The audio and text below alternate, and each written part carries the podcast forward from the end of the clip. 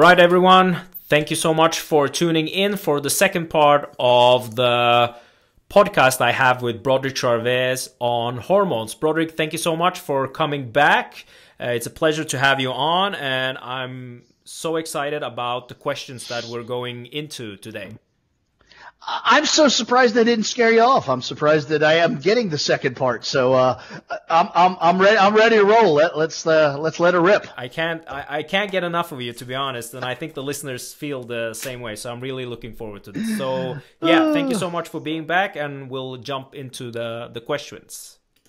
In the previous podcast we had together, we were talking about um, nutrition to optimize muscle hypertrophy, and Yeah. we touched we touched a bit about the importance of of uh, of fat.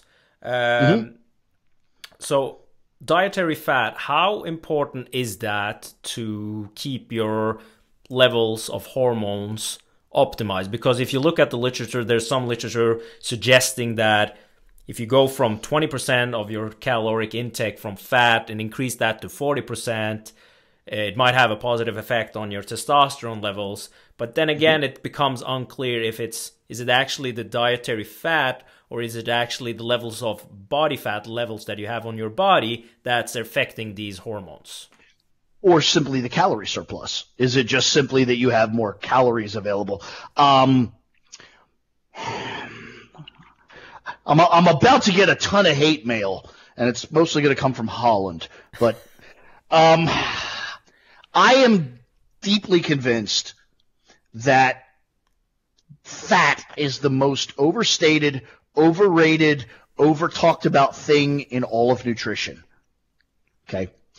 Unfortunately, to my knowledge, no really effective research has been done on optimal levels. Most of the research I'm aware of is on a very practical thing, and that is the minimum value necessary to sustain life. This world has a lot more starving people than otherwise. So the minimum value necessary to keep people alive and functioning is where most of the valid research exists. That number is shockingly and shamefully low.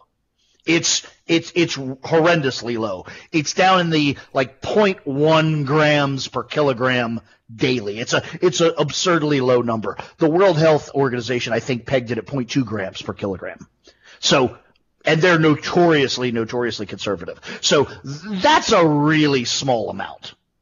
I mean, you know, let, let's be fair. That that number is almost almost insignificant.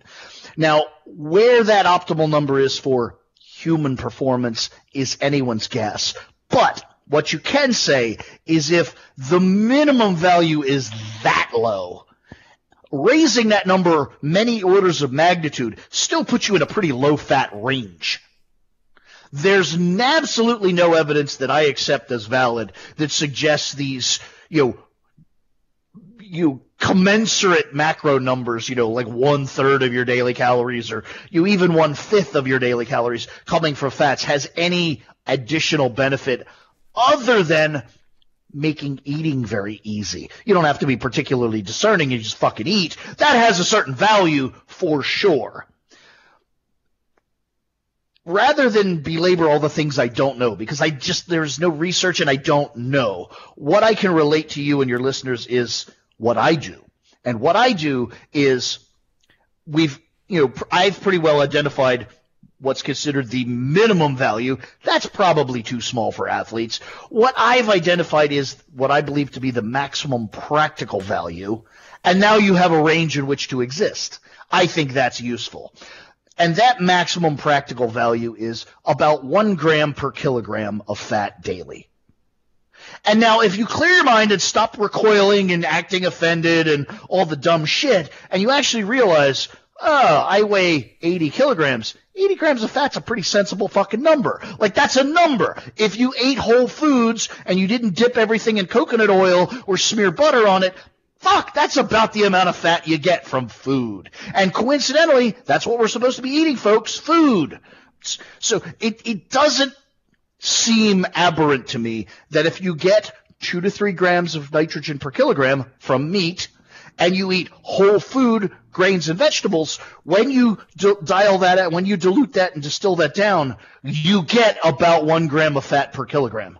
It, it, it's it's probably not a coincidence that each answer leads you to the next correct answer or seemingly correct answer.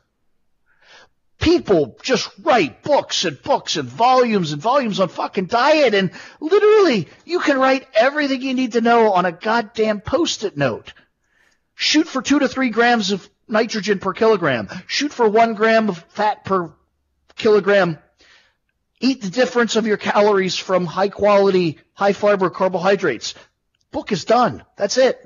I mean, you could get complicated, talk about protein sources and some things are better than others and carbohydrate sources, and glycemic index, and even fat. But at the end of the day, there's, there's really only three fats. There's, you know, saturated, unsaturated, you know, mono and poly and unsat, and saturated. That's basically all you got. Saturated fat, mono unsaturated, and polyunsaturated. Very roughly speaking, shoot for a, a third of each. And coincidentally, if you eat red flesh fish or red flesh meat, you're going to get about that one third. You know, if you eat, you know, high fiber, high quality grains and things, you're going to get some protein from non, you know, saturated sources. Again, if you just follow the basic shit we actually do know, all of the it fills itself in. The chart fills in for for itself. You, it, you don't even need your involvement. Just stop being an asshole and stop trying to invent the wheel and keep trying to be clever. Oh, if I just get this ratio, magic will happen. Or if I just get that ratio, there's no magic, folks. It still comes down to just fucking eat the food, lift the weights, and fucking sleep, and stop being an asshole. That's God. That's my book. Stop being an asshole. Uh, it's a big title right across the front. Jesus, I'm sorry. All of be merciful. I am close to a stroke. I'm sorry. I think that's the best. The, the best advice is actually the last one. Don't be an asshole. That's Just the most stop being an asshole. Yeah, yeah.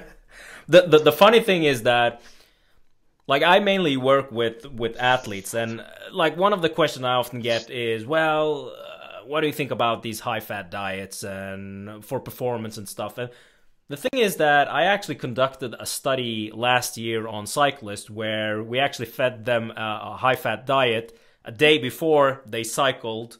Uh, we didn't really see any difference on performance, but when we looked at their bloods, like we took eight blood samples, okay. you actually see even with a, a acute high fat meal, uh, insulin resistance happening in the Absolutely. athlete with high 100%. fat. Yeah. 100%. And strangely, you get more insulin resistance from fat than mm-hmm. you get from carbohydrates. Yeah, exactly. Oh, that's, oh my God, the world's going to end. Yeah. Oh, Right now, Dave Palumbo's trembling. Right now, he's oh. Yeah, it, it's it's uh, and the thing is that if you actually start to look at the research, like we had the acute study, which also has been shown previously that eat a high fat meal, it actually leads to insulin resistance. But if you sustain that for a couple of days, you actually see down regulations in enzymes that can oxidize Agreed. carbohydrates. So again, something I point out to people all the time is we, again, being a biologist, I kind of look at this shit a little different. We, being people, are very fragile creatures compared to animals in the wild. We have crap ability to regulate our heat. We don't have claws. We don't have fangs. We don't have fur. We don't have so many advantages that the rest of nature does have. What we do have is an extraordinarily high ability to adapt. Very few creatures other than humans are capable of living on every single landmass on this planet. There are humans from pole to pole, every continent around the world. Try that with it. You know, take fish X or Y out of the water here and throw it into water there. It will die. It lacks the adaptability. That's the thing. People always, you know, do this. Well, I've been eating nothing but, you know, red meat for six months. I'm like, yeah, because you were gifted with an incredibly adaptive creature that doesn't want to die. It will live on anything. Is that the same as being performance based or is that what your body really wants? No, but can you? Yes, we have Eskimos that have been living, you know, for th- tens of thousands of years on, you know, whale blubber and fish scales. I bet they really want cake, but they can live on that. Like it's it's proven now. We can do that. I don't know why you would. I don't understand the point, but the point is, is you can do that and not die because the fundamental overriding concept of biology is that first. Page one, chapter one, don't fucking die. If you can pull that off, then you get to the cool shit like, you know, reproduction, iPhones, tweeting about the weather. What the fuck? So it starts with don't die. So we've been given this incredibly adaptive thing that cannot die under a wide array of conditions. Uh, why that has to then become nutritional dogma eludes me, but there you have it. Yeah, exactly. Exactly. All right, let's uh, let's. Uh, I think that, I think uh, that's a that's a great point that you mentioned there. Next question is, um, and now we're talking about like natural natural, not enhanced people. What okay. what do you need to do to like keep your levels optimized of testosterone? Like, what can you do with your? Is there anything you can do with your diet? Is there anything you can do with your lifestyle, etc., etc.? Um, well, first of all, let me predicate this with that's absolutely not my area. My area really professionally is, and let's add a bunch more. So that's, that's who I am. So the reality is there's probably people in, in, uh, in the field that would be much better at answering that question. Lyle McDonald is somebody I would tackle that question with. Maybe even Steve Hall. Those are people that wrestle with that on a day-to-day level in their profession. I don't. So what I'm about to tell you is purely supposition and assumption based on what I know about biology.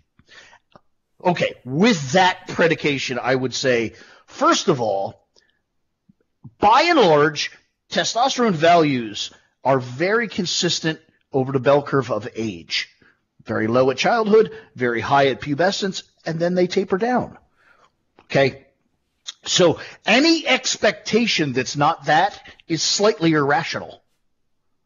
Okay, so every time this 40 year old guy comes to me and I'm like, I don't understand why my testosterone's lower than it was when I was 18. I'm like, mm, maybe because you're not fucking 18. So the reality is that's normal. So to a small degree, even these natural assholes that are, you know, banner wavers, champions of naturalness, they're actually seeking an unnatural outcome. Because the natural outcome is every year after your 20th birthday, that number goes down. That's natural. Anything that's not that is contrivance. But even in the realm of contrivance, things that you can do to sustain that number is maintain even constant levels of exercise, not big breaks. The cyclic nature of most people's behavior is the worst thing. Consistency in signaling. And exercise is one of those signals.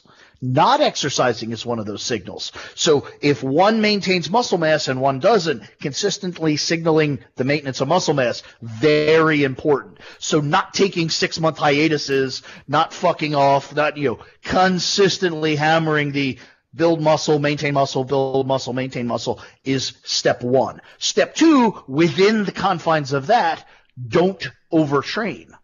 And Overtraining, I, I, I don't want to go down this road because it's a podcast all by itself, but overtraining is more than you just lifted weights too much. Overtraining is an overall concept. It's like putting your finger on exactly why a business went bankrupt. Sometimes it is just one really shitty deal and like, wow, if they hadn't done that, everything would be fine. But most of the time, it's a collection of bad habits. They had too many employees. They did a little too much advertising. They this, they this, they this. And the outcome was collectively failure. That's what overtraining is. It's not that, oh, your training frequency was wrong or your training intensity was wrong.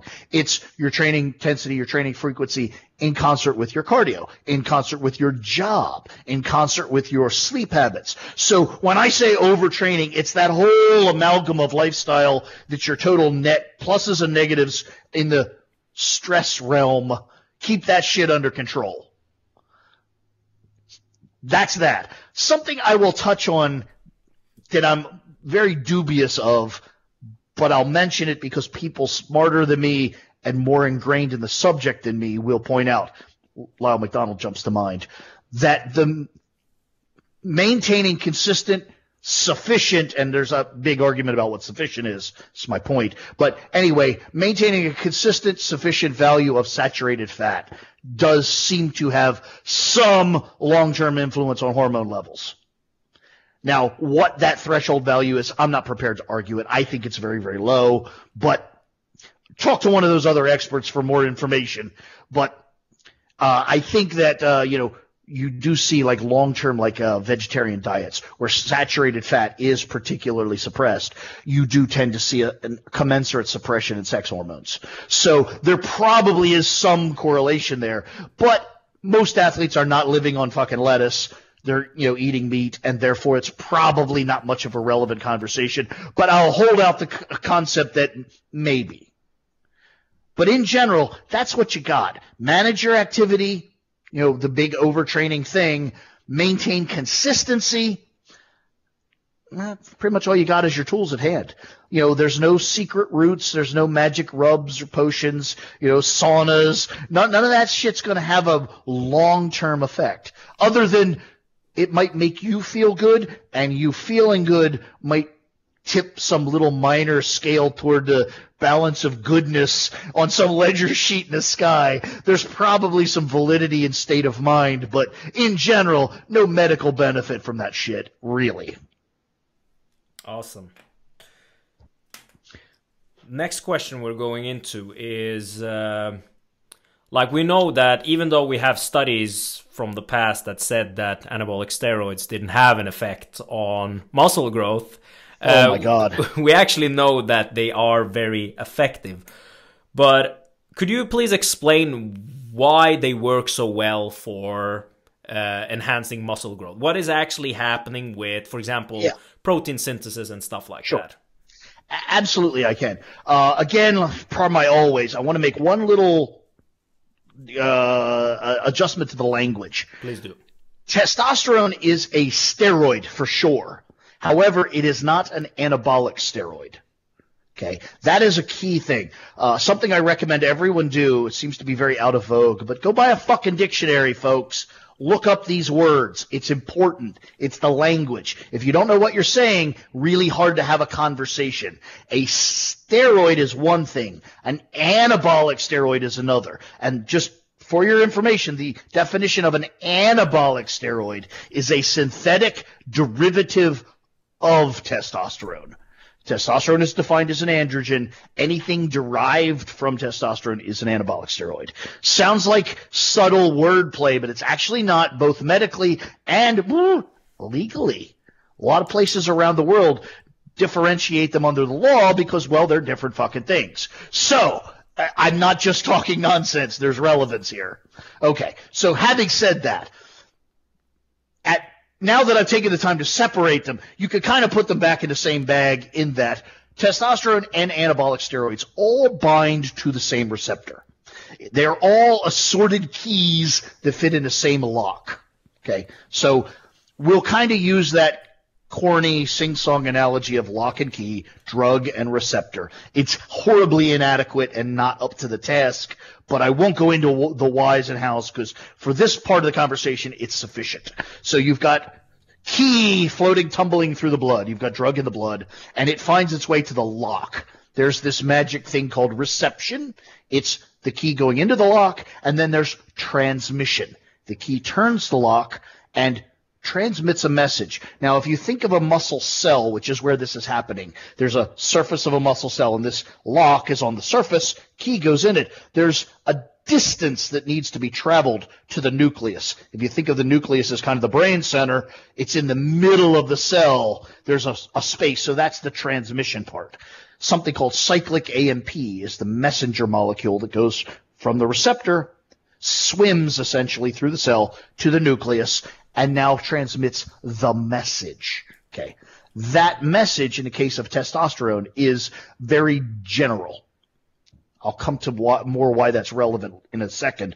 But the message is very relevant. It's in general. It sends build some protein, retain some water, manipulate electrolytes in a certain way, store some carbohydrates. So the message is all very general, but all very kind of in the direction of shit that's going to lead to more, more effective muscle. Okay. Some of that message has to do with the way, you know, nerves conduct information and the, the magnitude at which nerves conduct information. And all of these things, there's testosterone has its fingers in so many things, and it's a little bit of that message in each place. Now, the part you're most interested in is from the nucleus. Now there's messaging off to the surface of the cell and from the surface of the cell to something called ribosomes. Ribosomes are the little machinery that actually tick out the proteins. The best analogy I could think of is you think of movies from the turn of the 20th century. There's always that uh, stock market ticker that ticks off a tape and it's like a little binary thing. And there's always people, you know, peeling through the tape looking at the, the, the stock market. Well, that's very analogous of how a ribosome works. The ribosome is the little ticker and the protein is the ribbon that comes out of it.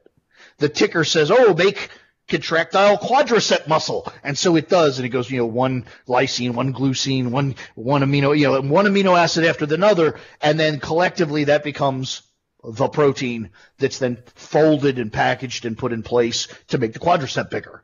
So that's kind of the chain of events is, you know, testosterone is key, lock, transmission, nucleus interprets the message, sends more messages out to the various places this shit needs to be done. One of those places is the ribosome, and it tells the ribosome, hey, make more contractile skeletal muscle. And so the ribosome has a blueprint in itself and there's a, a, lot of complicated stuff that you get, you know, RNA, DNA, transcription, translation. It's all very complicated, but the short answer is the ribosome knows how to do that, and so it goes to work ticking out this ribbon of protein that's going to be quadricep or whatever. Um, this is not a show about drugs, but just to illustrate something that your listeners might have raised an eyebrow at. All steroids click into that same key lock scenario.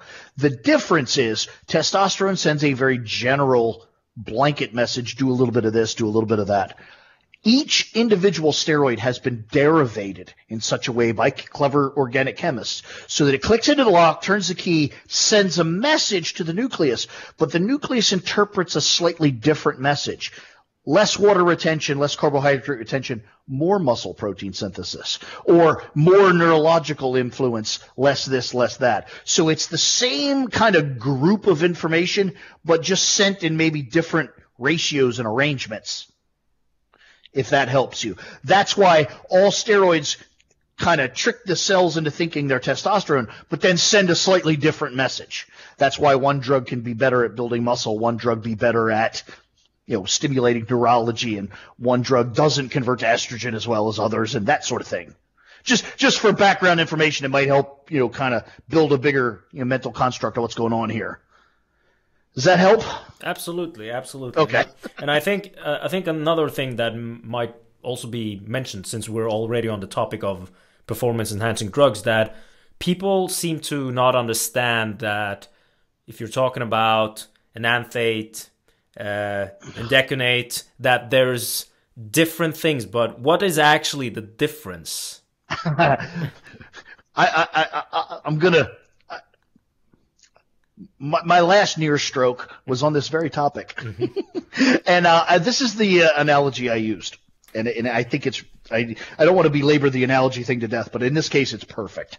I think this is what is. I think this is my best work people use words that they don't understand. I, am guilty of it too. I'll say words like, you know, mortgage and interest rates. And I don't know what the fuck that stuff is, but I still say it. So I'm guilty of the same thing. I have sympathy. But people say things like, you know, ester and enanthate and cypionate. They have no idea what the fuck they're talking about. They're just words. They don't have any concept. So I'm going to give you a visual concept of what those words mean. Okay. Something that everyone even in the third world, even in the poorest village in Africa, peanut butter and jelly. Okay. Anybody can conceptualize two pieces of bread. One gets peanut butter. One gets jelly. Two words. Peanut butter and jelly. Okay. Testosterone, enanthate.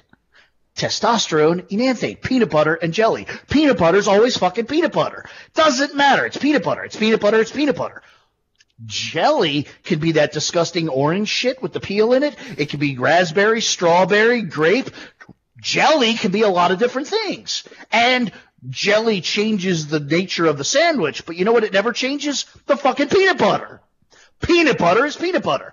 Testosterone is always testosterone. But over here on the jelly side, it can be testosterone enanthate, testosterone propionate, cypionate, decanate, undecanate, undecacyclinate. It can be a lot of things. But at the end of the day, the peanut butter comes through unscathed as guess what? Fucking peanut butter! That's it. That's that's the whole story each ester has its own life and its own, you know, the rate and temperature at which it dissolves, and all of there's a lot of differences. But at the end of the day, when the jelly goes away, you know what you're left with? The peanut butter. Testosterone in any format ultimately hits your bloodstream as testosterone. The jelly part of the song only affects the speed at which that peanut butter is delivered. The larger the ester, the longer it takes to dissolve, and therefore the more time released your peanut butter is. The shorter the ester, the easier it dissolves. Actually, a concept that's pretty easy to understand. You know, a short chain ester dissolves quicker than a long chain ester. A short chain ester like propionate dissolves pretty quickly, three days, and releases your peanut butter in three days. A giant amalgam of ester like, uh, you know, undecanate takes 30 days to dissolve. So your peanut butter dribbles out very slowly. But at the end of the day, the thing that dribbles out still the fucking peanut butter. End of story. That's a that's a great explanation. Peanut butter and jelly. Yeah, yeah. I really like that.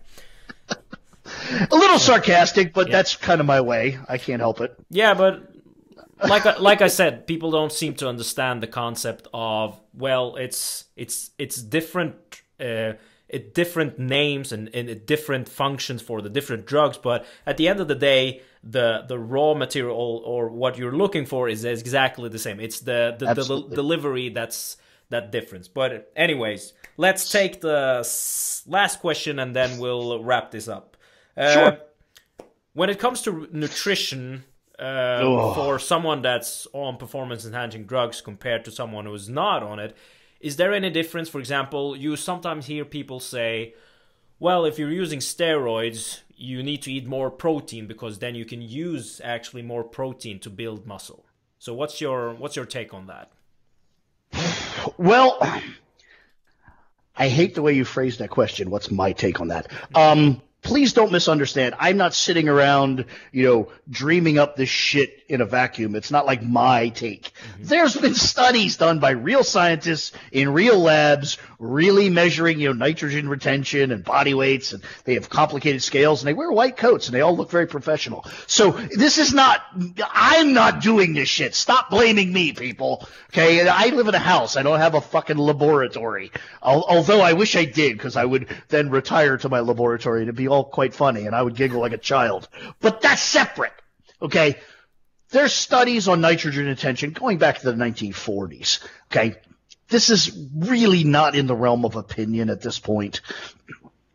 Nitrogen requirements for normal, healthy human beings have been defined. The U.S. F, uh, FDA pinned it at 0.8 grams per kilogram. Okay. The reality is it looks like maybe one gram per kilogram was the number they should have landed on. And coincidentally, pretty much every nation around the world has done very similar tests in the 1940s and 50s, and they all came up with about the same number. Japan landed on one gram per kilogram. The Soviet Union actually was like 1.2 grams per kilogram, but everybody was right in that 0.8 to 0.2 Every civilized nation on the world that was capable of science did this shit because they didn't want their population to starve or die of rickets or what the fuck ever. And strangely, they all came up with the same number. That's it. Now, in modern times, you know, people have higher body weights, people actually engage in, you know, athletic endeavors. There's differences for sure. Lyle McDonald has written an entire book. It's titled The Protein Book, and it will quote every study I could quote because he's goddamn good at his job and he did this shit even before I was thinking about it. But in that book, you'll pretty much see study after study reference that for exercise, for exercising athletes, particularly weight training, the range runs very roughly from two to three grams per kilogram. That's the numbers. Just, just, it's really hard to avoid that. There are a couple aberrant studies that show some special things happening, particularly above and particularly below, and it's probably because of some then extra mechanism kick, kicking in. There's some Eastern European studies that showed like 3.8 grams per kilogram was way better. And the reality is it was probably either because of total calorie load or because of saturated fat load. Because of the, you know, the protein was coming via the vector of red meat, something like that. But in general, on average, every study pretty much zones in on that two to three grams per kilogram. We're going to go with that. Now, in that range, here's where the fun begins.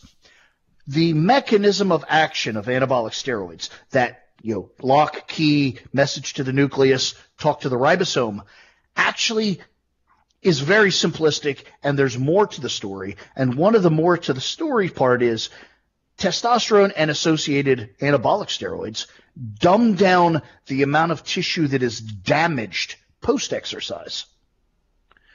So the blanket definition that's put on that is improves nitrogen efficiency. Think about that word, efficiency. If the body can deal with nitrogen more efficiently, guess what it needs less of? Nitrogen. Mm-hmm. As you go up the scale of dosing, whether naturally produced or exogenously, you actually need less protein per kilogram than a natural does because naturals are, sorry guys, inefficient. So naturals waste more, so they have to consume more. Now, a, a drug using athlete will probably have a greater protein intake simply because drugs work and they will have a higher body weight. But the amount of nitrogen per kilogram of body weight is lower on ratio than a natural. And vice versa, by the same exact mechanism, drug using athletes tend to consume more carbohydrates, not because there's some magic carbohydrate thing going on behind the scenes and, you know, there's little carbohydrate fairies running around burning up carbohydrates. No, drug users Drugs work, boys and girls. Drug users are bigger than naturals. We carry more muscle mass. Muscle mass loves carbohydrates. So yes, I get to eat several hundred grams more carbohydrates than the natural guy sitting next to me because I weigh fucking kilograms and kilograms more than him. So again, there's differences, but those differences are predicated more on outcome than they are actually on any under the hood magic thing. You know, it's not some, you know, Palumboian metabolic shift where, you know, if I take enough of this drug, I suddenly metabolize peanut butter and avocados. No, you're just making that shit up. But you, if you said to me, as I get ever more and more muscular, I could consume more body fat because I have more muscle to metabolize it.